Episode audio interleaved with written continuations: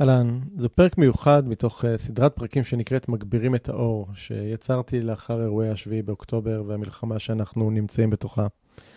בימים uh, כל כך מורכבים וקשים כמו הימים האלה, כשהכול כל כך שחור מסביב, מה שאנחנו יכולים לעשות זה רק להכניס עוד ועוד אור למרחב שלנו.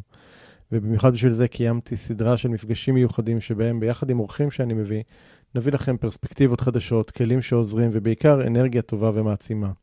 אני מקווה שתפיקו ערך מהסדרה המיוחדת הזאת, ואם אהבתם והתחברתם, אני אשמח גם שתשתפו את הפרק הזה עם עוד אנשים, כי במיוחד בתקופה כזאת צריך להגביר עוד ועוד את האור.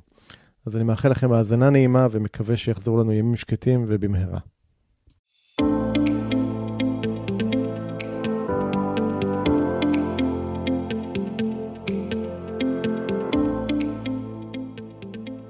הדבר היחידי הקבוע הוא שינוי.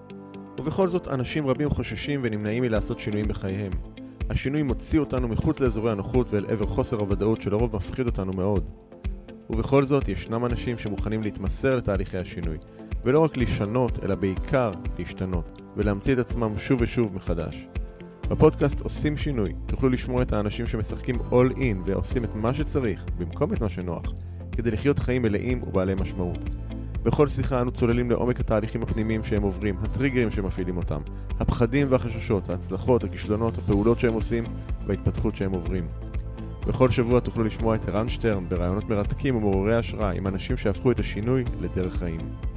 לפרקים נוספים בפודקאסט תיכנסו לאתר doingchange.co.il או חפשו עושים שינוי באפליקציות הפודקאסט המובילות אייטיונס, ספוטיפיי, גוגל פודקאסט ואחרות.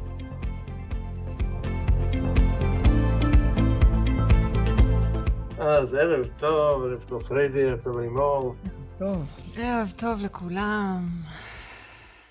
אני ממש ממש שמח לארח אתכם כאן. אנחנו בעצם בשבוע השני של ככה של אה, כמה שידורים בכל שבוע במה שקראתי לו מגבירים את האור, כי אני חושב שבתקופה כל כך חשוכה הדבר העיקרי שצריך לעשות זה להכניס עוד ועוד ועוד אור, אז uh, כיף שאתם כאן איתנו. Uh, נשמח שככה לטובת מי שלא מכיר תציגו את עצמכם קצת, uh, תספרו uh, מי אתן, מה אתן עושות ומשם נצלול פנימה. אני רק אגיד רגע ככה לאנשים שאיתנו, מוזמנים לשלוח שאלות בצ'אט, אנחנו תוך כדי השידור נתייחס לכמה שאפשר ובסוף השידור אני נפתח גם ככה לשאלות, אז כרגע כדי שלא יהיו לנו הפרעות אני שם את כולם במיוט ואחרי זה אנחנו נפתח לשידור. אתם צריכות להוציא את עצמכם מהמיוט? יש. כן, יאללה. אז אני פריידי מרגלית, אה, מייסדת שיטת המטאיזם. זאת ג'ויה כאן לידי, מייללת. אה, אני עומדת בראש... זה קטע גם בפעם הקודמת שעשינו לפני, לא יודע כמה שנים, ב-2018 לדעתי, היה כל הזמן חתול בשידור. כל הזמן, תקשיב, יש לנו חמישה, אוקיי? אז, נכון, אז, אז, אז מישהו מהם תמיד מיילל, תמיד מדבר, הם גם מדברים, זה לא שהיא בסך הכל רוצה להשתתף, שאלת, ביקשת הצגה עצמית, אז היא הייתה הראשונה.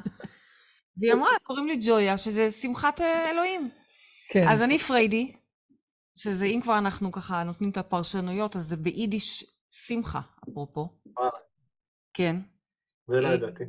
מה זה? כן, כן, בטח. אה, מגיעה ממשפחה חרדית בעברי.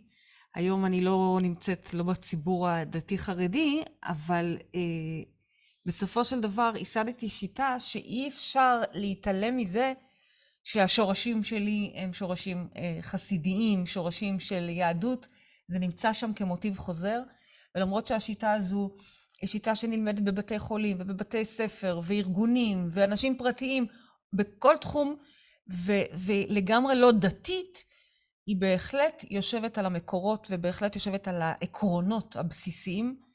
אני מומחית לחקר התודעה, זה מה שאני עושה. פעם, פעם, פעם בעברי עשיתי נדל"ן, יזמית של נדל"ן, אבל זה כבר לזום אחר ולסיפור אחר. אני כבר 13, כמעט 14 שנים מתעסקת בחקר התודעה, ויחד עם אשתי, שכבר תציג את עצמה, מובילות אה, אה, את מרחב מודעות, שזה באמת מרכז אה, בית לפיתוח תודעתי. אנחנו עמותה עם עשרות אלפים של חברים ופעילות מאוד מאוד ענפה. תודה לאל. אני אומרת תודה לאל כי אנחנו מגיעים לבתי חולים ולבתי ספר ולאנשים שלכאורה בכלל לא ידעו מה זה תודעה, מה קשור הסרטן שלהם לתודעה שלהם. ותודה לאל, הם לאט לאט למדו להבין את זה, ויש לנו באמת סיפורי ניסים מופלאים. אני חיה את, ה, את הניסים של האנשים, זה מה שאני עושה. וואו, אחרי מה שפתחת, מה כבר אפשר לומר? אני יודע שמי שככה רוצה יותר גם להכיר את הסיפור שלך, אז יש לנו פרק גם בפודקאסט שעשינו ביחד ועושים שינוי, אז אה, לך לחפש את זה שם. נכון. נכון, נכון, שם ממש סיפרתי את כל הסיפור. בכלל הגעתי מנדל"ן לרוח פתאום. זהו, האמת שכשביקשת מפרדי להציג את עצמה, את עצמה, אז כמעט אמרתי לך, אוקיי, זה בערך התוכנית שלנו, קח שעה לפחות. לא, לא, יש לנו היום אג'נדה. אוקיי, בסדר, בסדר. אוקיי, להגביר את האור. אוקיי. טוב, אז נעים מאוד לכולם. למי שלא מכיר אותי, אני אלימור הניג. אני מומחית לתכנות התודעה, ואני מומחית לכל הנושא של פחדים וחרדות, כי זה הרקע שממנו הגעתי. אני מנכ"ל מרחב מודעות לצד אשתי פה האהובה. אני בעברי בכלל הייתי בהייטק, מיקרוסופט, כלוב של זהב, מאוד מאוד נהניתי ממה שעשיתי והיה לי מקסים, אבל אה, זה היה לצד התמודדות עם אה, הפרעת חרדה ו-OCD, שאני אובחנתי מגיל אפס. אני אולי יושבת פה ומדברת וזה נשמע נורא נחמד ונעים, אבל אני פחדתי לדבר ופחדתי מהצל של עצמי. אה, וכשנוצר החיבור בין פריידי וביני, אה, זה קודם כל היה לגלות באמת את עולם התודעה ואת כוחה של התודעה, ולי זה שינה את החיים, ומשם בעצם, השאר היסטוריה, משם בעצם הבנתי שזאת השליחות שלי, והצטרפתי לפריידי, ובאמת תודה לאל, אה, יש לנו חזון להנגיש את כוחה של התודעה לכל אדם, ואנחנו... אני שמחה ומתרגשת, כן, אנחנו עושות את זה במרץ. אנחנו מבחינתי במילואים עכשיו. אנחנו במילואים. ש... לא רק שלא עצרנו, הפוך, אין שנץ, אין, אין, אין, אין סקס, אוקיי? היי, הלו, עד לכאן. אין כלום, אין סליחה, סליחה, אני מבקשת. אין לי וידאו, you know? יש, יש. מלחמה. יש. אבל, אבל, אה, אה, אה, אנחנו עוד יותר, אם תמיד עשינו את זה משליחות, 13 שנה, עכשיו זה, זה שליחות על, על, על ספידים. אה, זהו. על פניו, אגב, אני רוצה לומר ש... חוץ מזה, יש לנו... שבימים אלה זה לא פשוט לדבר על uh, זוגיות ולהדליק את האור ומודעות, כאילו על פניו אנחנו רק במקום של מאוד קשה, לימים מאוד מאוד מאוד קשים, אבל אנחנו באמת מאמינות שעבודת התודעה והעבודה על האור היא זו שנדרשת בימים האלה. בדיוק. אבל זה לאנשים לא פשוט לתפוס את זה. לגמרי, והאוטומט שלנו הוא לגמרי ללכת ו... וגם כל הסביבה לא עוזרת, כל החדשות וכל הדיווחים וכל מה שבמדיה, זה, זה עוד יותר... עוד יותר... לא נעים אפילו לפעמים, אני רואה אנשים שאומרים, לא נעים לי לשתף, אבל משכתי חוט ומשהו טוב קרה, יש כזה איזה אי נוחות. אמרתי את זה בדיוק לפני כמה ימים איזשהו פוסט של כאילו, לא נעים להגיד, כאילו אני בסדר, אני בטוב. זה, זה לא נעים, כאילו, יש תחושה של, של אין לגיטימיות להרגיש ככה. נכון, נכון. בקהילה אצלנו מאוד משתפים כל התלמידים על, על, על כל ההתמודדויות. זאת אומרת, משכתי חוט, משכתי חוט, זה הטרמינולוגיה שלנו. באמת אנשים מרגישים לא בנוח כרגע לשתף את הדברים האלה. כאילו, כי רגע, שנייה, אנחנו כולם בהישרדות. אה, אבל לצד זה אני רוצה להגיד לכם שיש משהו, דווקא כשמאוד מאוד חשוך, לא קלישאה, אמיתי. העולם הזה בנוי מניגודים, מקונטרסט, ממש מכתבים הפוכים. וככל שאנחנו בחושך, ווואלה, החושך אה, שולט כל כך ברור, אני חושבת שבדיוק אמרתי לאחותי, את קולטת שעוד דקה חנוכה? מבחינתי עוד שמחת תורה. אני עוד לא, עוד לא יצאנו לא משמחת תורה. כן. מה זה? כאילו, איך חנוכה? מה קשור? היא התחילה להגיד לי... אנחנו לא חגגנו את שמחת תורה כשחושבים על זה. ממש, אני נכון. עוד שנייה, שנייה רגע, אני עוד שמה עם הדגל של התורה, מה זה? ולצד החושך הגדול והאפל, שבאמת בתקופה הזאת גם עיוור רואה אותו, יש לנו, תדעו לכם, יש את הקוטביות השנייה באותה מידה. כלומר, יש לנו את היכולת להיות בשיא האור, אורות. לא אור, ככה פנס חלש, אורות. אני, מבחינתי זה ממש לראות את אלוהים. דווקא בתקושה, בתקופה הזו, ויש לי אה, חברה טובה שהצליחה לברוח מהנובה, אה, כל פעם שאני חושבת על זה אני עדיין ככה לא נושמת, חברה טובה שהצליחה לברוח, וכבר חודש וחצי היא אומרת לי, אחותי, אני באורות. באורות, לצד המצב הקשה. כן, כן, כן. פתאום, אימא'לה, החיים הם חיים. Mm. פתאום, זה לא מובן, שום דבר לא מובן מאליו. נכון. שום דבר. המים, אימא'לה, הם, הם, הם מרווים. הכל זה... אז לצד החושך הקשה והתופת הזאת, סליחה שאני לא, לא רוצה להיות נביאת זעם, אבל מבחינתי היא בכלל לא הסתיימה, אוקיי? היא לא הסתיימה. אה, אנחנו בתוך האירוע עדיין. אנחנו גם בתוך האירוע, וגם מבחינתי אני לא רואה את האירוע רק אירועון קטן, אני רואה את זה כאירוע גדול, מתמשך. אז אולי, אולי באמת רגע, נדבר שנייה רגע לפני שככה, רק רגע זו פרספקטיבה רחבה יותר, זאת אומרת, אירוע כזה שקורה, לפחות בתפיסה שלי, זה, זה לא... זה משהו מעבר לאירועים עצמם, יש פה משהו הרבה יותר גדול, כאילו, אני חושב שדבר כזה, כמו שכל אירוע גם ברמה האישית שלנו, את יודעת כשחליתי בסרטן אז הבנתי שיש פה משהו הרבה יותר גדול עבורי מעבר המחלה עצמה. אז איך, איך, מה הפרספקטיבה שלכם על הדבר הזה, קודם כל ברמה של אירוע כזה, ברמה של המדינה, ברמה האישית שלנו? שאני אענה? את ראית, אפילו לא ניסיתי להתחיל לענות, כי אנחנו יודעים שיש לך... אה, כן, אז... כן, זה נושא מאוד... אה, כן, אני אצטרך בטח להרגיע אותך. כן, כן. אני דווקא פחות מתחממת. טוב. אם היית שואל אותי בשבועיים הראשונים, וואי, הייתי מתחילה לצרוח, לצרוח. לאט לאט אני נרגעת. אמ, בגדול, איך שאני תופסת את זה, זה שאנחנו במלחמת תודעה. המלחמה פה היא לא פיזית, אוקיי? חטפו לנו, הרגו לנו, טבחו לנו. מחדל עלק וכולי, ממש לא. אני רואה את זה כאירוע מטאפיזי, אור וחושך נלחמים. המטריקס, אוקיי? על כל המערכות שלו, הממסדי, הממסד, הממשלות, הכל הכל, ואנחנו, האנשים הפשוטים, שבעצם, רגע, הם לא כאלה פשוטים, הם בכלל חלקיקי אלוהים, הם פשוט שכחו את זה, כי הם כל היום, אנחנו מחנכים אותם לשאול בחוץ, לבקש רשות, לעבוד עבור אחרים, אה, אה, לרוץ אחרי כסף כי מסכנים הם צריכים לשלם את המשכנתה, ואז להגדיל בית כי נולד עוד תינוק, ואז עוד אוטו, ואז צריכים לעבוד עוד יותר קשה. יופי, עבדים. ופתאום העבדים האלה לאט לאט מתעוררים ונזכרים שרגע, רגע, רגע, רגע, רגע, אנחנו לא באמת עבדים, אנחנו ריבון, אנחנו, מה זאת אומרת? אנחנו אלוהים, כל אחד מאיתנו. אז המלחמה בעיניי בכלל היא בין אור לחושך, היא בין ההבנה של מה זה ריבונות, מה זה אלוהות, אל מול, אני קוראת לזה הסדר אלוהי, אל מול הסדר העולמי, אוקיי? זה ממש להבין רגע את הכוח שלנו, וזה לא כזה מובן מאליו. אתה התעוררת בסרטן, התעוררת כבר לפני, אוקיי? הספר הראשון, הספר השני, אבל וואלה, הסרטן היה חתיכת כאפה. יש הרבה אנשים שבקורונה התעוררו, לפני שלוש-ארבע שנים, אוקיי? אני יכולה להגיד שעל עצמי, שהרבה מאוד תובנות שם נפלו לי. למרות שכבר מהמטריקס אני מלמדת, אנחנו כבר מלמדות לצאת מהמטריקס יותר מעשר שנים. ועדיין בקורונה, אימא'לה, לראות את כן. המטריקס. יש אנשים שרק עכשיו, רק עכשיו, בשביעי לאוקטובר, פתאום קלטו ששנייה, רגע, לא יכול להיות. ושוב, אני לא רוצה להיכנס עכשיו לשיחות ש... לא רוצה לחמם את עצמי. אה, זה קורה מאוד מהר. אבל מלא אנשים פתאום קלטו ששנייה, אין לנו על מי לסמוך. אין כן. לנו על מי לסמוך. מה שקלטו, אגב, אותם מתעוררים לפני שלוש-ארבע שנים בקורונה, כי זה מה שגם הם קלטו. אבל לא נורא, בכל אחד בקצב שלו, יש אנשים שאגב עוד לא התעוררו. אלימור כהן אומרת לי, את חיה בסרט, את חיה בבועה שאת חושבת שכולם התעוררו. על מה את מדברת? אני יוצאת למספרה, היא אומרת לי, היא עושה פן, שאם חס וחלילה יחטפו אותה, תהיה יפה. ואת שמה חזייה. נכון. אני שמה חזייה שאם יחטפו אותי, שיהיה לי חזייה. זה לא מצחיק. סתם, חס וחלילה, ואני גם לא שמה כבר, אוקיי? זה היה בשבוע הראשון. בשבוע הראשון, בסדר, כולנו נבהלנו. אה, לא שעכשיו זה לא מבהיל, כן? אבל אני מנסה להגיד, אני לא מנסה להפחיד בכלל, או הפוך, אנחנו צוחקות על זה, זה ההומור השחור שלנו.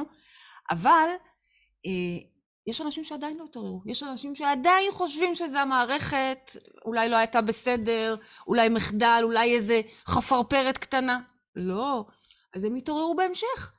אבל, כן. אני רוצה רגע לקחת את הדברים שפרידי אמרה, ואולי רגע להוריד אותם קצת, אולי קצת להוריד אותם יותר לקרקע. כשאתה חטפת את הסרטן, אז זו הייתה איזושהי קריאה. זאת אומרת, אפשר להתייחס לזה כאל משהו... התייחסתי לזה, זאת אומרת, זה, זה מה ש... לשם לקחתי את זה. בדיוק, זאת אומרת, אפשר להתייחס לזה כאל משהו שהוא חיצוני, שהוא קרה, נסיבות, ולהגיד זה קרה לי, ולתת לזה את ההתייחסות השטוחה במרכאות של מה צריך לעשות, עושים וזהו. ואפשר לקחת את המכה הזו, את הסתירה הזו, ולהתחיל לשאול שאלות. מה, למה זה קרה? מה זה בא להגיד לי? יש חיבור פה בין גוף נפש, יש חיבור של, אה, אה, באנרגיה של העולם. עכשיו, מה שקרה כאן בימים האלה, לתפיסתנו, זה איזושהי מכה שקיבלנו כולנו כישות אחת, מה שנקרא כמו שיעור קולקטיבי, כי הסרטן שלך תפס אותך ברמה האישית, והחרדות שלי תפסו אותי ברמה, וכל אחד יש לו את הסיפורים שלו והדברים שלו. המלחמה הזו תפסה אותנו כעם, כמדינה, כישות שחטפה מכה עם איזושהי הזמנה לבוא ולשאול שאלות. מה קורה כאן? מה אני עוד לא מבין? מה אני לא רואה? מה אני לא יודעת? מה אני צריכה עכשיו להבין מהמכה הקשה מאוד והכואבת הזו ש, שהגיעה אלינו לפתחנו? זה לא עונש, כן? זה איזשהו סמן שאומר, מה, מה, ב, יש פה איזושהי קריאה. כש, כש, כשהגוף שלך צעק, הוא צעק לך משהו, ערן, בוא ת, תבין. אז יש פה איזושהי קריאה לכולנו כקולקטיב, כמסה, כעם, כמדינה. ומה שפרדי התחילה לדבר עליו, על התעוררות, יפה אמרת את זה. אני חושבת שזה איזושהי קריאה, תודה. לא, באמת יפה, קריאה, פתאום הבנתי את זה. אה, מעולה. יותר טוב. איזושהי קריאה באמת לבוא לשאול, לבוא לשאול, מה זה הדבר הזה שאנחנו חיים בתוכו? מה זה המערכות האלה שאכזבו אותנו מאוד? ושוב, לא ניכנס כרגע לפוליטיקה, כי זה הרבה מעבר לפוליטיקה. איפה אני חי? מה, מה זה אומר לנו כעם, כמדינה?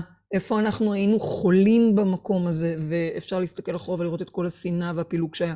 אז אני חושבת ש, ש, שזאת ההתבוננות המרכזית של להסתכל רגע מעבר לשטוח, מעבר ל, לסיפור. אפרופו, אולי עוד, אני חושב שיש פה אולי עוד רמה גם, מעבר לרמה של באמת של עם של מדינה, זה ברמה האישית ואינדיבידואלית, זאת אומרת, כל אחד האירוע הזה פוגש אותו במקום אחר, אז יש כאלה. שנפגעו בפיזי או במשפחה או דברים כאלה, ויש כאלה שלא, אבל זה עדיין, זה חלק זה פוגע להם בעסק וזה מעלה שאלות על העסק, וחלק יכול להסתכל על היחסים בבית, וכל אחד יפגוש אותו במקום אחר, זאת אומרת, אני חושב שהשיעור או הקריאה להתעוררות פה אצל כל אחד תהיה גם ברמה האינדיבידואלית. ממש ככה. ושוב, אפשר להגיד זה המצב, ואפשר לקחת את זה כאיזושהי הזדמנות. שיטת המטאיזם, אני אתחיל ואגיד שהשיטה שלנו אומרת, וזה הדבר הכי מבאס בה, אבל זה גם הדבר הכי מכונן בה, שהכל, לא משנה מה קורה, לא משנה כמה זה רחוק מאיתנו, לא משנה כמה זה לא קשור אלינו, הכל שלנו. הכל, הכל, הכל שלנו.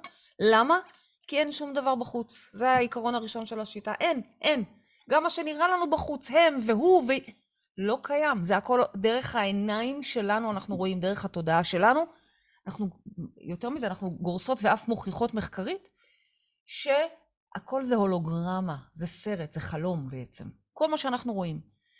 כך שכשאנחנו רואים חמאס, או, או כזה אבל לאומי, או כזו קטסטרופה, אנחנו בעצם לוקחים את הדבר הגדול הזה פנימה אלינו ובודקים, עושים חשבון נפש, בודקים בדק בית, איפה אנחנו לכל הרוחות יצרנו את זה. עכשיו, לא צריך להתאמץ, לא צריך לתקשר גם בשביל להבין את זה. כל אחד מבין. כמו, אגב, התראיינתי באיזה, באיזשהו מקום שבוע שעבר אה, על המחקר של האונקולוגי שלנו, ויצא לנו בשיחה, בריאיון, לדבר, להשוות בין הסרטן הפיזי בגוף לסרטן של מה שקורה פה, גם אוקיי? בתוכנית הרדיו שלנו עשינו את זה, בטיפול. אוקיי, בטיפול למדינת ישראל. יפה, אז בדיוק. עשינו את ההשוואה הזאת, ופתאום זה היה נורא ברור, כי גם הסרטן, אגב, יש הרבה אנשים שחושבים שסרטן הוא קורה להם. יש, יש לי תלמידה במחקר, שהייתה בשוק שזה, שהיא, שהיא הבינה שזה ממנה, זה לא מבחוץ. מה זאת אומרת? זה, זה נפל עליה, לא. דורש לקחת אחריות על זה, וזה בעצם לקחת אחריות ולהגיד לעצמי, וואלה, אני עצרתי את זה לעצמי, פה חתיכת אמירה, זה לא טריוויאלי. נכון, נכון, ואפשר, ו- והרעיון הוא גם לא לקחת את זה חלילה למקום של אשמה, כי זה נכון, לא נכון. איזה משהו של נו נו נו, זה לא כזה. אבל כן, מי שקלקל, הוא יתקן גם, וזה פה מגיעה הבשורה. נכון, בהתחלה זה מבאס, אבל בהמשך זה מכונן, כי וואלה, אם קלקלתי, אני יכול לתקן. כשעשינו את ההשוואה הזאת בין מה שקורה כרגע למדינה, למחלת הסרטן, הסרטן הוא פה בתוכנו. אנשים אומרים, החמאס. החמאס הם עוד פיונים שמשחקים בהם כמו שמשחקים בנו, אוקיי? הם משלמים להם, לא, לא נכנסת עכשיו לזה. זה עוד צד שלישי שלא קיים. עוד זרוע. עוד זרוע ב- בסרט שלנו. לא. איפה אנחנו, איפה אנחנו, כל אחד מאיתנו, אפשר תודעתית לדבר הזה לקרות. וזו שאלה נוקבת, זו שאלה נוקבת, שכשאנחנו שואלים את זה כפרטים, וכל אחד מגיע, כמו שאמרת, לתשובה האינדיבידואלית שלו, פתאום אנחנו מתחילים להבין את זה גם יותר ברחב, כי הקולקטיב, מה זה קולקטיב? זה פשוט הרבה אתה ואתם ואנחנו, אוקיי? זה, זה קולקטיב. אפשר לקחת פה אחריות, אפשר לעשות תיקון. אפשר לעשות ממש שינוי, אם אנחנו נבין מה יצר את החושך ואיך אנחנו בוחרים באור. ואנחנו כרגע שגרירות של האור, אני אומרת לכם, יותר, אנחנו לא ישנות שנץ. כי, כי, וזה בדרך כלל, אנחנו כן ישנות שנץ, ניתן להסיק מכך. עובדות בזה. כי אני, אנחנו מאמינות שאם מספיק אנשים יבחרו באור, יבינו את הכוח שלהם, בסוף האור ינצח, נקודה. אנחנו מאוד אופטימיות, למרות שאנחנו בפירוש רואות מה קורה, ואנחנו, זה לא משמח בכלל, אנחנו גם מאוד מאוד אופטימיות, כי אנחנו מבינות את הכוח.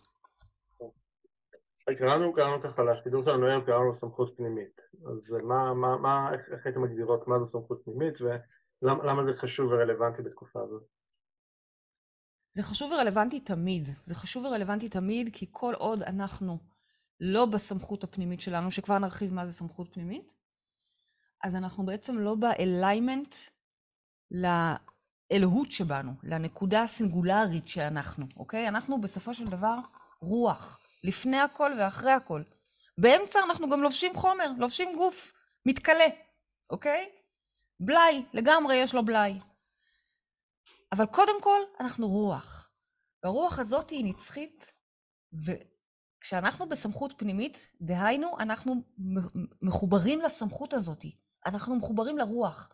אני לא צריכה שאף אחד ייתן לי הוראות, או יגיד לי מה לעשות, או יקבע עליי, או, י, או יחליט. לא, מה פתאום? מי יודע עליי יותר טוב משאני יודעת על עצמי, אגב, כשם שאתה יודע הכי טוב על עצמך, וכל אחד ואחת. עכשיו, זה אנטיתזה לחינוך ולתרבות, לא רק שלנו פה בישראל, של העולם אה, המערבי בכלל. ממש, ממש. אז כדי להגיע לסמכות פנימית, אני קודם צריכה להתחיל לשלול מי זה לא הסמכות שלי. פעם חשבתי שמשרד הבריאות רוצה, כשמו, בבריאותי, אוקיי? ואז גילינו שוואלה, לא, ממש ממש לא. עכשיו, באמת אין שנים האמנתי שמשרד הביטחון רוצה את הביטחון שלי. ככה זה נשמע, נכון? זה, זה, זה הכי הגיוני. ופתאום אנחנו מגלים שלא, לא, לא, לא בהכרח בכלל. ואם נשאל כל, על כל גוף ועל כל מערכת ועל כל מישהו חיצוני לנו, לאט לאט אנחנו נתחיל לשלול את הדברים, למוטט את המטריקס, את האשליה הזאתי, ופתאום מתגלה שם כמו מעיין נובע, שכל הזמן מחובר ויודע.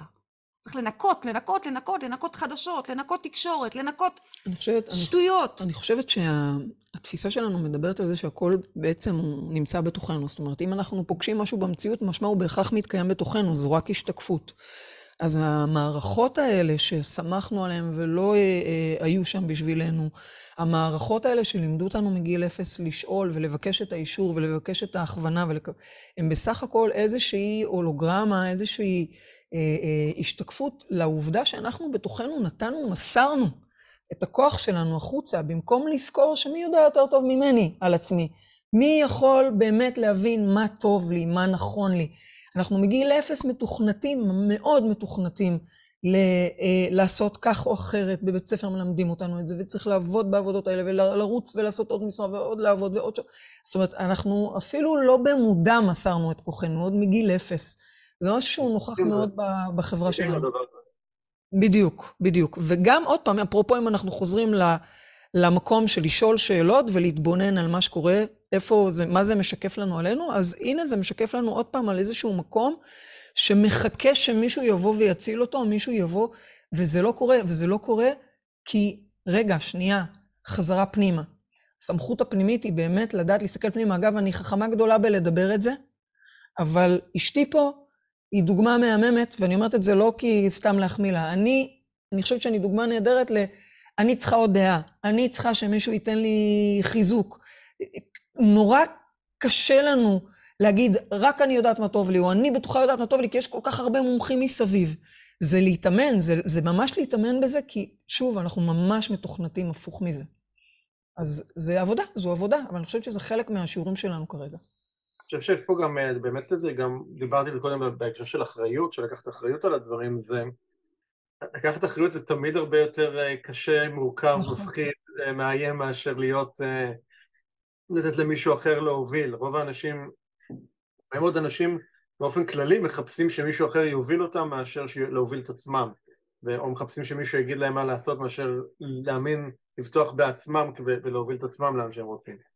וזה לגמרי מצריך באמת שינוי תפיסה מאוד מאוד משמעותי ויכול להיות שהאירועים האלה מאוד מאוד אה, קשים ומורכבים אה, ויש פה איזשהו משהו רגע אולי קצת מטאפורי במובן הזה של אף אחד לא בא, כמו שהרבה אנשים שם חיכו שיצילו אותם, וזה, והיו בעצם צריכים להבין שהם צריכים להציל את עצמם, שהם לא, לא לחכות למישהו שיציל, אני לוקח את זה רגע ברמה הרחבה יותר של הסתכלות, אנחנו צריכים רגע באמת לא לחכות למישהו שיציל אותנו, שיקח את האחריות או יגיד לנו מה לעשות, אלא לעשות את זה בעצמנו. נכון, נכון. הייתה לי, יש לי, יש לי תלמידה שממש בשיעור האחרון אמרה, כי היא עשתה עבודה מאוד על הקורבנות שלה, והיא ממש התחזקה, והיא אומרת שיותר כיף להיות בקורבנות ובמסכנות. באים, עושים אותך ומלטפים אותך ועוזרים לך.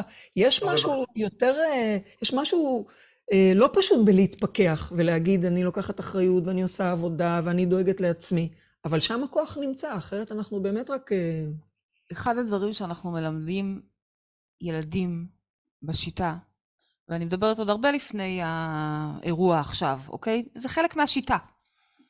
זה ללמוד לבדוק עם עצמם. כל מיני שאלות שלא מלמדים אותם בכלל לשאול, כי מלמדים אותם לשאול את המורה, להסתכל נכון. במחברת, לעשות, יש, יש, יש דרכים, איך, מי, הסמכות קובעת. אחד הדברים שאנחנו מלמדים אותם בכלים שלנו, ששוב, הם מתורגמים לשפה של ילדים, זה כמובן לא, לא אלימור ואני, כן? יש את המדריכים המיוחדים לילדים. אבל אחד הדברים שהם לומדים שם, זה להתחיל רגע בכלל להקשיב לקול פנימי. יש פה קול בפנים שמדבר ואומר דברים. אנחנו רוצים לאט לאט ללמוד להפוך אותו לסמכות. אז זה קודם כל בכלל ללמוד להקשיב לו. או יותר נכון, לדעת בכלל שיש כזה קול. ללמוד להקשיב לו.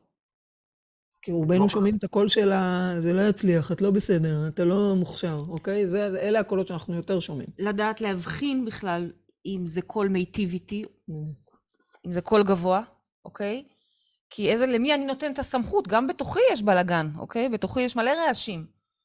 לאיזה כוח ולאיזה קול בי אני נותן את הסמכות. ו... אמ, ואז גם לסמוך ללכת עם זה, ממש לסמוך על הדברים האלה. אם משהו פה חשוד לי, משהו פה מריח לי לא טוב, אז מה אם אומרים לי בחדשות? אז מה אם אומרים לי... אני זוכרת שפעם אבא שלי רצה להביא לי כאילו אסמכתה, והוא אמר לי, מה זאת אומרת? אמרו את זה בחדשות. כן. אמרתי לו, אבא, אם אמרו את זה בחדשות, זה לא נכון. זאת אומרת, להבין את זה. לא, החדשות זה לא מקור, הפוך, שם זה מקור כל רע. כל ה... המדיה, התקשורת. התקשורת, אוקיי? עכשיו, נכון שגם אנחנו פה בסוג של תקשורת, ותודה לאל על התקשורת הזאת. יש מלא תקשורת, יש מלא דרך, יש לנו, לנו למשל, גם לך, יש פודקאסט של עשרות אלפים שככה אנחנו מדברות איתם כל הזמן. אז תודה לאל על התקשורת. כל כלי יכול להשתמש לחושך ו- ויכול להשתמש לאור. אז עוד פעם, זה לבחור בכלל למי אנחנו מקשיבים, איזה תכנים אנחנו מאזינים, זה מתחיל עוד משם, כמו אגב, איזה אוכל אנחנו מזינים את עצמנו, הכל מתחיל שם עוד. אבל... מה? כאילו, אז איזה, אם נדבר, דיברנו על להחליט הסמכות, מה, מה בפרקטיקה של זה אנחנו יכולים, כאילו אנשים כשהם מקשיבים לנו יכולים לקחת ולעשות כדי באמת להתחיל להחזיר לעצמם את הכוח ולהחזיר לעצמם את הסמכות הפנימית הזאת ולקחת את האחריות. כאילו, נשמח שנחשוב, נדבר קצת על ההיבטים האלה. אני חושבת באמת שהדבר הראשון, כמו שפריידי אמרה, זה להתחיל להקשיב פנימה. לפני הכל. שנייה, נעים לי, לא נעים לי, מתאים לי, לא מתאים לי, מרגיש לי נכון, לא מרגיש לי נכון. אנחנו עושים הרבה דברים ככה בעיניים עצומות. אנחנו הרבה מאוד דברים לוקחים כמובן מאליו. אולי שנייה לעצור ולשאול. להתחיל בלשאול ולא החוצה, לשאול פנימה. איך, איך, איך אני מרגיש פה בדבר הזה? איך, איך זה... אנחנו ממש לא רגילים לעשות את הדבר הזה. בא לי, לא בא לי, נעים לי, לא נעים לי, זה נכון לי, זה לא נכון לי. שנייה, מה מדויק לי? אנחנו ממש רגילים ללכת אחרי מה שמתווים, אחרי החברה, אחרי הרוב. לא, שנייה, התכנסות פנימה, התבוננות פנימית. אני חושבת שזה הדבר הראשון שאנחנו אה, אה, מתבקשים לעשות. אגב, ראיתי שבתוכניה המדהימה שככה עשית כאן, ראיתי שיש לך סדנה, אני לא יודעת אם היא כבר הייתה או לא, אבל על כתיבה אינטואיטיבית. ואני יכולה להגיד... הייתה? הייתה? כן. מדהים. כשאנחנו בתחילת המלחמה עשינו ככה קייטנה לכל התלמידים שלנו, לכל הקהילה, יום, יום, ערב, ערב, פגשנו אותם. אחד הדברים שלימדתי אותם זה בדיוק את זה, כתיבה כן. אינטואיטיבית. ממש, לקחתי את דרך האומן, בהשראת דרך האומן, לימדתי אותם מה זה כתיבה אינטואיטיבית שאני עושה כבר 23 שנה, אתם קולטים מה זה? נכון שעם הזמן זה השתנה ומכתיבת אה, דפי בוקר זה הפך להיות תקשורים ומתקשורים זה הפך להיות, לא משנה. אבל בשורה התחתונה זה לשבת ולכתוב ולכתוב ולכתוב ולכתוב. זה להתחיל איכשהו לתקשר, זו דרך נהדרת. פשוט ראיתי שערן אה, אה, מלמד את זה גם. אבל זו דרך נהדרת להתחיל בכלל להבין שיש פה אני עם קולות שונים ולתת להם מקום, לתת להם מקום. עכשיו, אני חייבת להגיד שגם כשאנחנו כבר מתחילים לשמוע את הקולות, יש פה עבודת תודעה מאוד מאוד חשובה. עלינו לבחור באור. בכל רגע נתון, סתם אני אתן לכם דוגמה. לפני יומיים רצה בפייסבוק, בטלגרם, באיפה שזה לא יהיה, הודעה שמצאו מאות גופות ב- ב- בית חולים. בבית חולים שיפא, והחיילים הביאו אותם לפה לבדוק, אוקיי? DNA.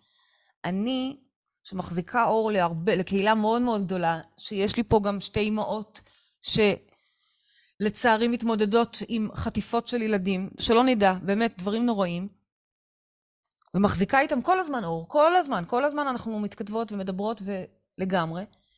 פתאום חשכו פניי ברמה שלא הצלחתי אפילו לדבר איתם בטלפון באותו יום, כי לא יכולתי, לא רציתי לבאס גם, לא רציתי להוריד, אני מרימה. חשכו עיניי, אין.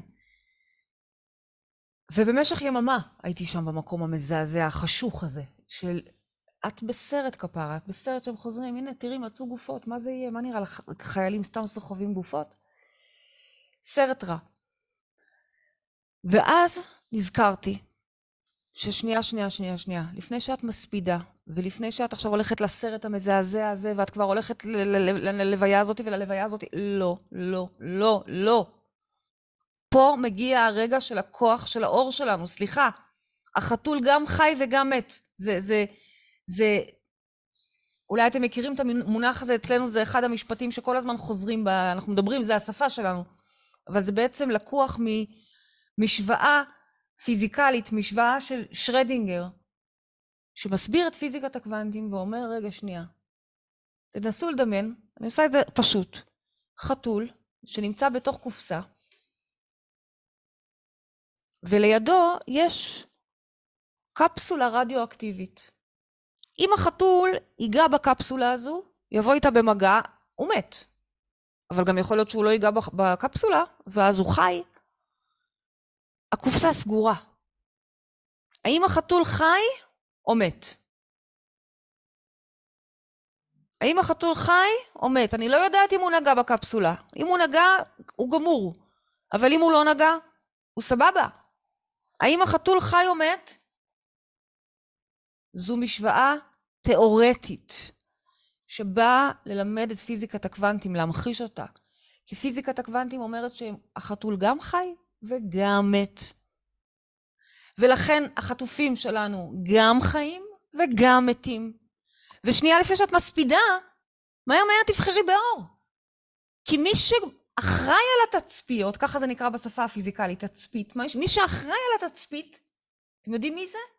הצופה, אנחנו. אלה ש... זה שיפתח את הקופסה התיאורטית.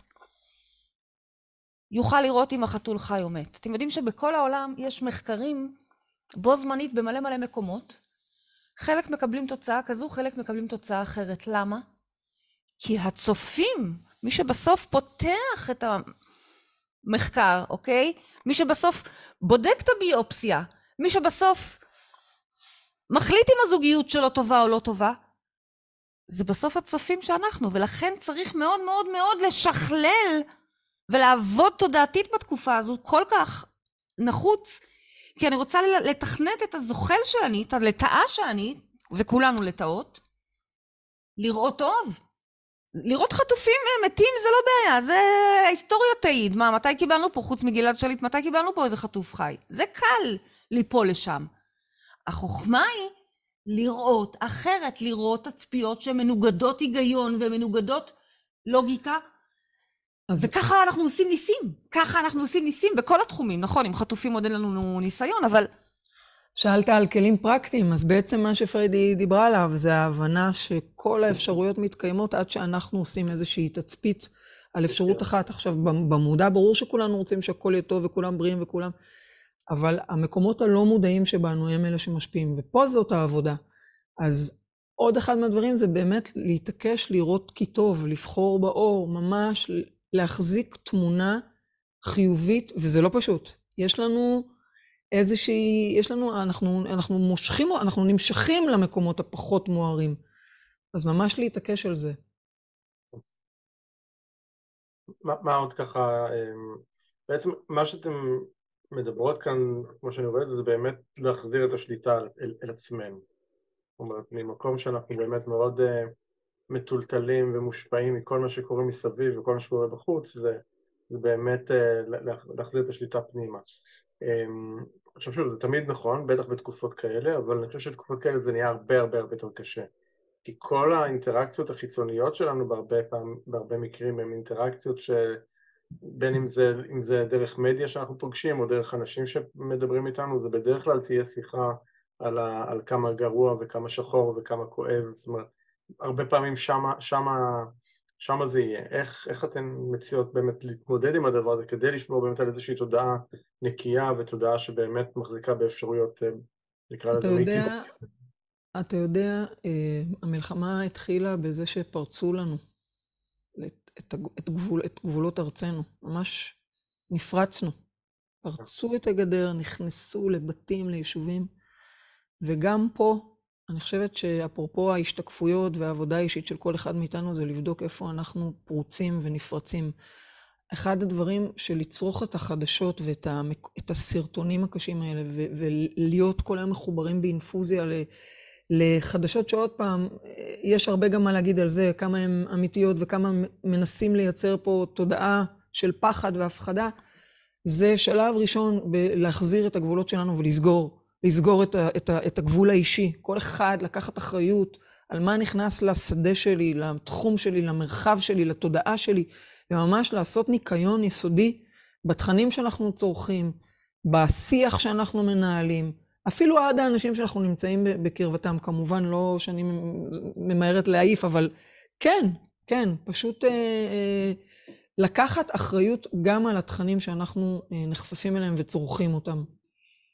זה ממש אה, משהו, אפרופו סמכות פנימית, זה להגיד, זה נכנס וזה לא נכנס. ממש. זה בסביבתי וזה לא יהיה פה בסביבתי. ממש. מאוד עוזר להרחיק את זה עוד, אוקיי? ברמה שבכלל לא נכנס. אבל האנרגיה עוברת. גם אם אנחנו לא צורכים את החדשות, מדי פעם, א', מתגנב סרטון לכולנו, וזה בסדר, אנחנו גם יומן, אנחנו רוצים להיות באיזשהו קונטקט. אבל מעבר לזה, אנחנו מרגישים אנרגטית, אנחנו בסוף יצורים אנרגטיים, כולנו פה גנרטורים של אור, ו- ואנחנו מרגישים, והתחושה היא לא תחושה קשה, קלה. אגב, אני יכולה להגיד לך שמשקפים לי חברים שגרים בחו"ל, ומגיעים לפה, משקפים לי את זה תמיד. אנחנו כבר לא מרגישים את זה, לנו, אנחנו כבר חיים את הקושי. כל הזמן התרגלנו. אנחנו התרגלנו, כן.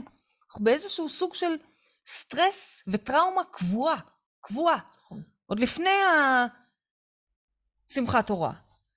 ו... זה, זה עוד פעם, לפעמים לא נעים, אנחנו, הסלוגן שלנו, גן עדן זה כאן. וזה הדבר שלנו, הכל פה גן עדן. ואנשים שאלו אותנו, בימים הראשונים לפחות למלחמה, שאלו אותנו, האומנם? והתשובה היא, ועוד איך. דווקא כשגיהנום בחוץ. זה הזמן עוד יותר להתעקש על הגן עדן שלנו. עוד יותר להיות במקום, ממש לייצר לנו את הספייס הנקי, את הזון של הטוב. אני לא אומרת להיות מנותקים. אני, אני לפעמים אוהבת לכאוב, כי, כי אחים שלי כואבים, מה זאת אומרת? כי, כי, כי, כי, כי, כולנו מדממים. אז חלילה לא להיות בניתוק, כן? אבל כן, כל הזמן לדאוג לפיתוח התודעתי שלנו. זה הדבר הכי הכי חשוב בתקופה הזאת.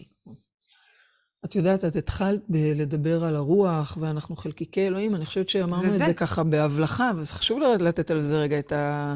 אני, ברשותכם, כן? אני כאילו מרגישה צורך להתעכב על זה. אנחנו מסתובבים בעולם, בתוך הגוף הזה, בתוך המחשבות והרגשות, ורוב הזמן אנחנו בשכחה, או לפחות העבודה שלנו היא להיות בהיזכרות כמה שיותר. אנחנו באיזושהי שכחה שהדבר הזה שמרגיש לנו כל כך קטן ומצומצם, ומה אני יודע ומה אני יכול... אנחנו באמת, גם הרבה מעבר לזה, רוח בצלמו נבראנו, באמת חלקיקי אלוהים, יש לנו את יכולת הבריאה. יש לנו יכולת השפעה. אז עוד יותר אחריות שלנו על איזה תוכן אנחנו צורכים ומה מסתובב בתוכנו, כי אנחנו מחוללים את זה והאנרגיה עוברת הלאה. הרי אפשר להיכנס לחדר ולראות מישהו מדוכדך ברגע וגם להתערבב איתו בזה. זאת אומרת, יש לנו את האחריות לא רק על עצמנו, גם לסביבה שלנו. לגמרי, ממש. לדאוג לאנרגיה שלנו, לדאוג לסביבה שלנו, לדאוג לטפח את עצמנו תודעתית זה ובכל... מאוד מאוד חשוב מה שאתה אמרת עכשיו, זה אפילו העלה לי ככה זיכרון, אה, רק כמו זה אה, זיכרון רחוק מצוק איתן, אנחנו מדברים על 2014, הבן, הבן שלי הצעיר היה אז בן, אה, בן שש. וזה היה אז גם מאוד אינטנסיבי, חודש וחצי, איפה שאנחנו גרים היו בין שבע שמונה אזעקות ביום, זה היה- זו הייתה השגרה. ובאחד הימים היה אצלו חבר, והייתה אזעקה, נכנסנו כולנו לממ"ד, והבן שלי כאילו, זה היה כאילו שגרה בשבילו, הוא לא, וראיתי אבל את הילד השני והוא היה מבועת. החבר שלו היה פשוט מבועת, ואני, זה גרם לי לחשוב באמת מה, על ההבדל הזה שבין שניהם, כי הם, שניהם חיים באותה מציאות, אבל התגובה שלהם הייתה מאוד מאוד שונה. והמסקנה שהגעתי עם עצמי זה כנראה משהו משודר לו, מש, משהו הוא מקבל מהסביבה. זאת אומרת, האם מקבל אנרגיה של פחד ולחץ, או אנרגיה שיותר שלווה ואנרגיה של בסדר, זה מה שצריך כרגע לעשות, זה צריך להיכנס לממ"ד. זה, זה, זה היה לי מאוד כאילו ככה וואו, בין העיניים, מאוד מאוד ברור. היה ו- בולט לראות את זה. אגב, יכולים לבוא ולהגיד לך, אבל ערן, מה אתה רוצה? זה באמת מפחיד, אני נורא מפחדת. זה, זה, וזה בסדר, אבל בוא ניקח אחריות, בוא נעבוד על זה, כי באמת יש, אנחנו אפילו לא מודעים להשפעה שיש לנו על הסביבה שלנו. אז אם אני לוקחת את מה שאת אומרת, אז זאת אומרת, מחויבות שלנו לייצר לנו את הגן עדן הזה, את. הזון הזה. גם עבור עצמנו, בראש ובראשונה, אבל אנחנו משפיעים בדיוק. על המעגלים האישיים, הקרובים יותר והחיצוניים. ככה, זה הדרך שלנו. אם, אם תראו, אנחנו רוצים להביא את האור בדיוק, על אני פני רוצה להסביר החושך. משהו. במטריקס. אין לנו סיכוי. במטריקס אין לנו סיכוי. אנחנו מדברים פה מול המטריקס, מול המערכת כולה. איזה סיכוי יש לנו מול מי שמדפיס את הכסף, והמציא את הכסף, ו- ו- ולוקח את המיסים, ו- ומחליט חוקים? אין לנו סיכוי, אנחנו הקטנים, נכון? ככה לפחות גרמו לנו תמיד לחשוב. אנחנו פיונים קטנים. אבל אם אנחנו לא נלחמים במטריקס, המטריקס לא מעניין. אנחנו נלחמים, שוב, גם אני לא אוהבת את המילה נלחמים, אבל בדיוק. אנחנו פועלים. ברוח, בפנים. שם הדבר. המטריקס הוא אשליה. אין לנו מה להילחם באותם כלים שמולם אנחנו נלחמים. זה לא רלוונטי. העבודה היא תודעתית, היא פנימית. היא להיות בחוסן, היא להיות בשמחה, היא להיות בנדיבות, היא להיות באחדות, היא להיות באור בכלל, ולהבין את הגודל שלנו. זה כמו אדם שלצורך העניין, בקורונה למשל, מאוד מאוד פחד, באמת היה משוכנע שמגפת סוף העולם, אדם פשוט מהשורה שראה טלוויזיה כל זה היום, אכן היה מאוד מפחיד, מה שהראו. והיה מבוהל, והנה הוא הולך למות, והתחיל לשים את כל, מה ש... את כל השכפ"ץ ה... אגב, אתה יודע מה נזכרתי לא מזמן? שכ... שלפני הרבה הרבה שנים, הרבה שנים, שאני הייתי ילדה קטנה, חרדית, חמודה, מלחמת המפרץ. מלחמת המפרץ. מה עשו לנו אז? איזה, איזה צחוקים אז עשו? חשבתי שזה אמיתי אז, כן? כמובן, לא, לא חשבתי אז, אבל... גרמו לנו לאטום את כל הבית עם ניילונים, יענו, עם- כאילו, כאילו הניילונים י, י, ישמרו עלינו מפצצות ביולוגיות, אטומיות, וואטאבר, שבכלל לא קיימות, אבל לא משנה. אתה זוכר את זה? אני הייתי אז חייל. נראה לי שיש מישהו הייתי זה. אה, ומסכה, והיה לנו מסכה, שגם. כן אחר כך גילו שהיא לא אני עובדת הייתי בכלל. בטירונות. אגב, זה, גם מעניין שאתה אומר, אני הייתי אז בטירונות, עם מסכות וזה, ואני זוכר שכשיצאנו הביתה, פתאום קלטתי שבבית מרגישים יותר מלחמה מאשר שאני הרגשתי כטירון בצבא. כי אנחנו בסדר היינו, היה לנו... וראיתי כאילו את הלחץ בבית, כאילו, וזה זה היה... אמרתי, רגע, הם, חווים מלחמה, אני לא חווה את זה ככה, זה, ממש מאוד... אז בסוף, עוד פעם, אז תחשוב על אותו אדם ממוצע, שרואה כל היום טלוויזיה ועובר את השטיפת מוח הזו, אז מלחמת המפרץ, אחר כך קורונה, או עכשיו, מה שהוא חווים עכשיו, ובעצם, ה-state of mind שלו, איזה פחד, לעומת אחד שיודע שהכל שטויות, שהכל שטויות, פשוט ככה, לא אמיתי, שטויות, לא רוצה לשחק עם זה בכלל. ומסתובב לעצמו בביטחון. שוב, כמו שתיארת את הילד שלך, נכנס לממ"ד, יוצא, בסדר, אני זוכרת את אבא שלי כילדה חרדית. לאבא שלי יש אזעקה, והוא עולה לגג לצלם פיצוצים. אז לא שאני אומרת לכם לנהוג בחוסר אני זהירות, אגב הייתי הילד אוקיי? החרד. אני הלכתי, הייתי בבית של חברה ונכנסתי איתם לחדר האטום. אני הייתי היחידה שם עם מסכה על הפנים ובחרדה? וכל הוא המשפחה לא- יושבים וצוחקים עליי. ואני הייתי הילד החרד הזה, אני, כל הסביבה שלי, המשפחה שלי היו באימה מאוד אז גדולה. אצלנו, וואי, אני יכולה לראות את אמא שלך מלבישה לכם. לא, אנחנו אפילו לא פתחנו את. המסכות האלה. אז עוד פעם, זה גישה של... לא אומרת בשום קיצון, אני רק אומרת, זה בסוף עניין של state of mind. אז הדרך שלנו היא לייצר לנו את ה-state of mind של גן עדן, כאן ועכשיו, בתוך התופת, במה, במה שקרה, במה שיקרה, ואנחנו יכולים. ומאחר וזאת האמת היחידה, היחידה, כי כל היתר זה אשליה, אז אתם תתפלאו, או שלא תתפלאו, כי אולי זה ברור לכם, אבל אותי זה כל פעם מרגש מחדש, כל פעם, למרות שאני כבר שנים חיה במוד הזה, כל פעם מרגש אותי מחדש איך בסוף הפנים מכיל את עצמו על החוץ ולא ההפך. כלומר, הרוח מנצחת את החומר. אני רואה את זה, איך רוח של האישה אה, שעושה עבודה תודעתית עמוקה, כופה בריאות על הסרטן שלה. או איך אדם ש... שלאט לאט לומד להתנהל מתודעת שפע, לאט לאט זה הופך להיות המציאות שלו, זה יותר חזק מהחומר גם מהחשבון בנק. כלומר, אנחנו הפנים- עכשיו כקולקטיב צריכים לעשות עבודה בדיוק. בשביל שאנחנו נוכל לייצר פה השפעה. אגב, אני, אני רוצה לתת דוגמה הכי, כאילו על פניו, מה זה קשור? אני מגיעה הביתה ואני מפ... אני קיבלתי טלפון, בדיוק באתי להיכנס לחניון. אז עמדתי ועצרתי. במובן מסוים הפרעתי לשכן, ובא שכן שרוצה להיכנס והוא צופר לי וצופר לי והוא צופר לי, ואני אומרת לעצמי, למה הוא כזה קטנוני? מה אכפת לו? שיעקוף אותי? למה הוא רב איתי? למה הוא נלחם איתי? ו... ולקחתי את זה ישר לראות אותי, איפה אני קטנונית? איפה אני מתעצבנת על כל דבר? איפה אני מהירה? עכשיו, למה אני מספרת את זה? כי זה מתחיל במקומות הכי הכי קטנים שלנו. אפשר להגיד, אנחנו היינו מפולגים, ואלה רבו עם אלה, אבל זה מתחיל במקומות הכי הכי קטנים שלנו. איך אנחנו יכולים להיות טובים יותר, להיות טובים יותר אחד לשני, להיות טובים יותר לעצמנו, להיות באיזושהי, באיזשהו שיח יותר מכבד, יותר סבלני, יותר, פחות צדקני, פחות... אני חושבת שזה, אם אנחנו נתחיל אפילו בדברים הכי קטנים האלה, אז אנחנו נצליח. ואגב, איך שהתחילה המלחמה אז כולם התגייסו וכולם נרתמו. שאלה מה יקרה אחרי. ופה העניין, פה העניין, להתחיל ממש. לסגל את זה עכשיו כאורח חיים, אני חושבת שזה כל כך משמעותי. אה, אז כן, אז אני חושבת אנחנו שאם מאוד זה מפחדות פרקטיקה, זה לעשות את זה, שאנחנו- כבר להתחיל להתנהל את זה. אנחנו מאוד מפחדות. כי מה- אתם רואות שיכול לקרות? כי אני לפעמים כבר מתחילה להריח אמ, את, ה, את האחרי. זאת אומרת, אני כבר לפעמים רואה אנשים שחוזרים כאילו לשגרה, ופתאום מתחילים חזרה להסתכסך. אוקיי? שוב, יש כאילו בדיוק, כמו ניחוחות. זה שלא סופרים בכביש ופתאום עצבנים. פתאום חזרה להתעצבן, בימים. הראשונים למלחמה אף אחד, לא, אף אחד לא צפר, כולם כאילו, כן, בבקשה כפרה, בבקשה, כולם כזה נחמדים, אדיבים, חנו לה בחנייה, לא נורא. עכשיו לאט לאט כולם חוזרים לטמפרמנט הרגיל שלנו, הישראלים, אוקיי? הלחץ, החוצפה, וזה בסדר, גם אני כך, אבל איפה אנחנו מתחילים לחטוא אחד לשני, ועוד פעם להתחיל להקשיב לסמכות חיצונית? זאת אומרת, אני מתה מפחד מההפגנה הראשונה שתהיה. אני אומרת לך, נכון, נכון, נכון. מתה מפחד מזה.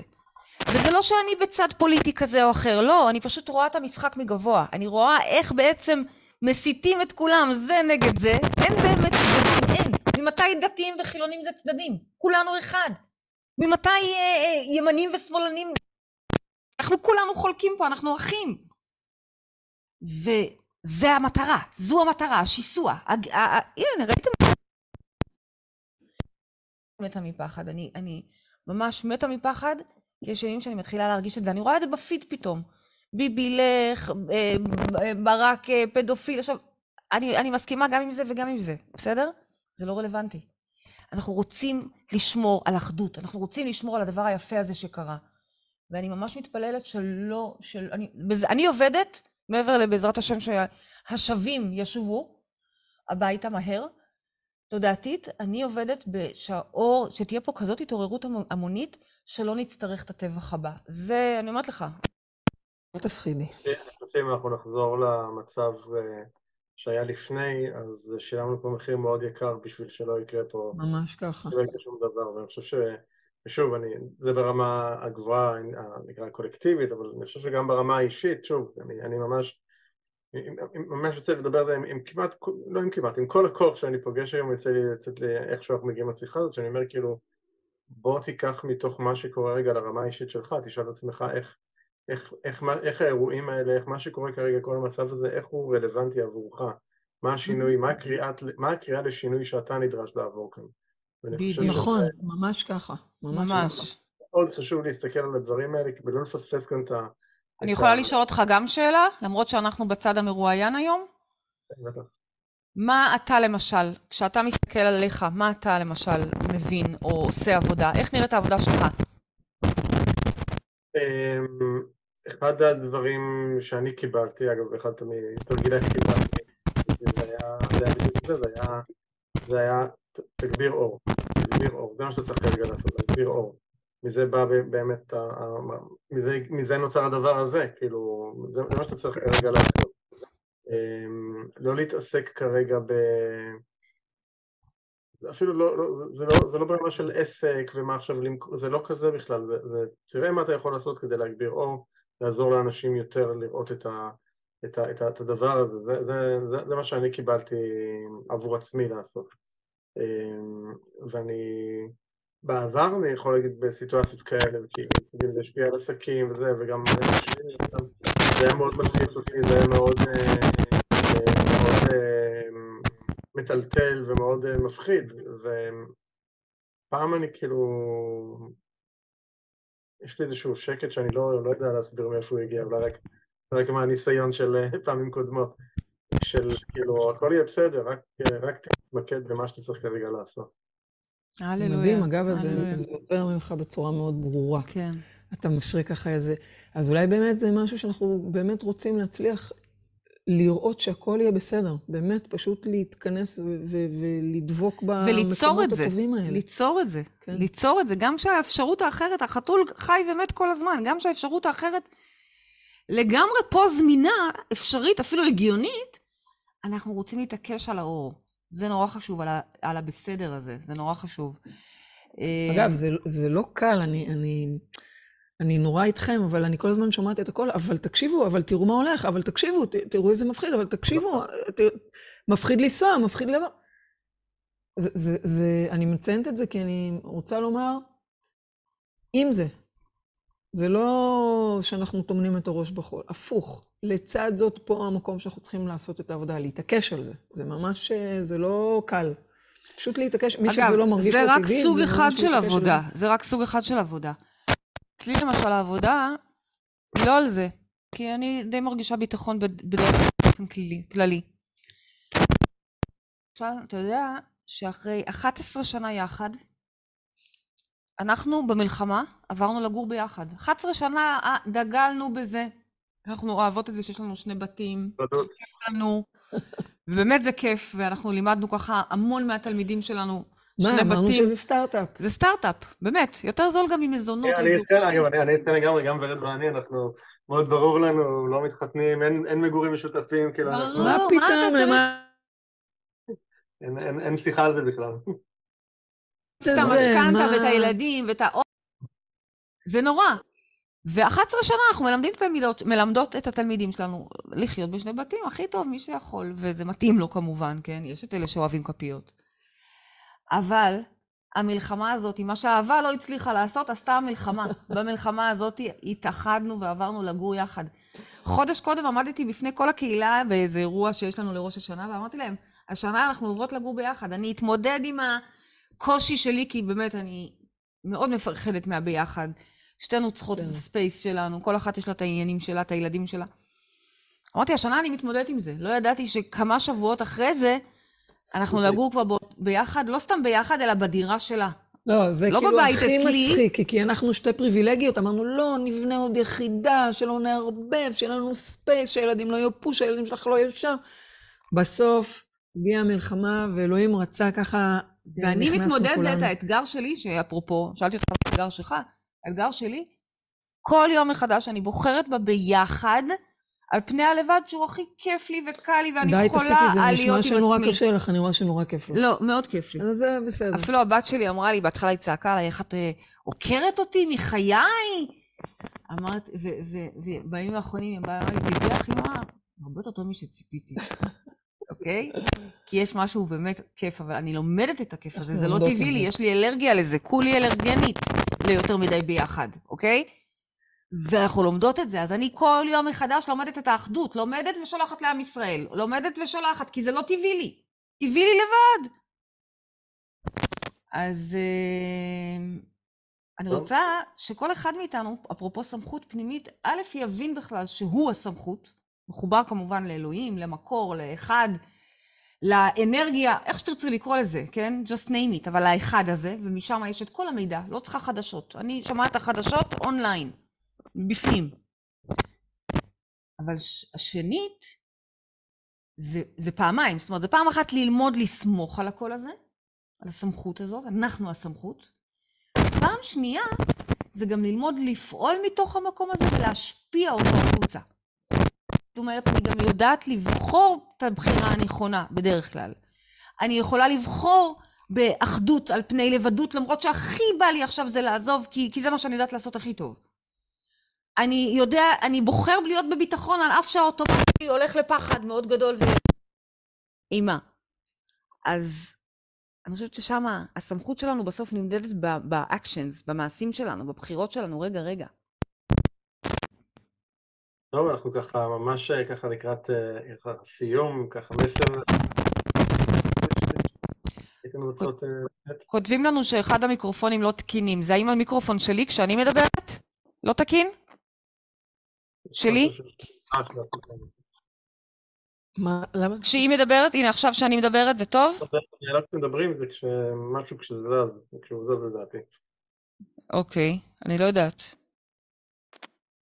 האם עכשיו יש רעשים? טוב, אנחנו, לא. הנה, עכשיו זה מעולה, זה כנראה שלך מרעיש. תעיפי אותו. טוב. אוקיי, אז נצא לסיום, לסיום, אם זה בסדר, ערן, אני רוצה אה, לשים פה בצ'אט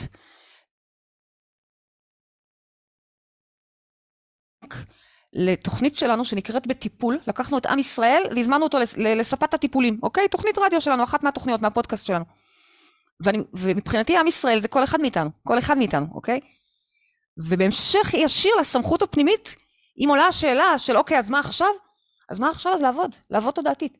מי שבא לו וזה מעניין אותו, אם זה בסדר, אני אשמח לשים פה לינק כן, בטח, בצ'אט. יופי.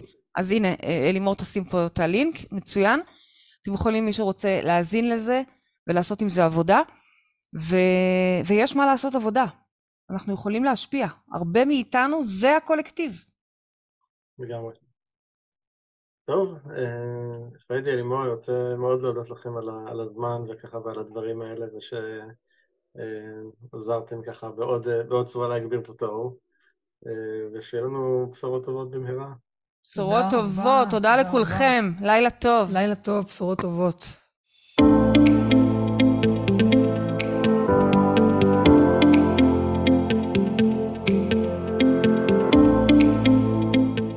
זהו, עד כאן לפרק של היום. אם אהבתם את הפרק, אל תשכחו לדרג אותנו, אל תהיו קמצנים, תנו לנו כמה כוכבים, iTunes, ספוטיפיי, גוגל פודקאסט, יוטיוב, איפה שאתם לא מאזינים, אני מאוד מקווה שהרווחנו לפחות חמישה כוכבים מכם. תוכלו למצוא באתר הפודקאסט doingchange.co.il את כל הכישורים הרלוונטיים לפרק הזה, שם גם תוכלו להירשם לפודקאסט ולקבל מאיתנו תזכורת בכל פעם שעולה פרק חדש, וגם ממני הרבה מאוד תכנים מעניינים שקשורים לעולם השינוי, התפתחות אישית, עסקית וכל מה שאתם רוצים. פשוט תיכנסו לאתר doingchange.co.il ותוכלו לקבל הכל שם. אני מזמין אתכם גם לכתוב לי תגובות, מה אהבתם, את מי תרצו לשמוע בפרקים הבאים, או כל הערה והערה אחרת שיש לכם, מוזמנים לשלוח אליי ישירות למייל פידבק את ערנסטרן.co.il, פידבק את ערנסטרן.co.il, אפשר גם בפייסבוק שלי, facebook.com/ערן.סטרן, או באינסטגרם, פשוט חפשו ערן סטרן מילה אחת באינסטגרם. אם אהבתם את הפרק, אל תשאירו את כל הטוב הזה רק עבורכם. בטוח שיש לכם חברים שגם הם רוצים שינוי, שתפו איתם, שלחו להם את הפרק הזה. ומילה אחרונה, אם אתם מרגישים שהשינוי בוער בכם, החלטתם שאתם רוצים שינוי ומוכנים לעשות את מה שצריך, לא את מה שנוח, כדי ליצור את השינוי הזה בחיים שלכם, אני מזמין אתכם אולי להיעזר בי. זה יכול להיות בפגישת מיקוד חד פעמית שתעזור לכם להתמקד ולקבל כיוון או תהליך עמוק יותר.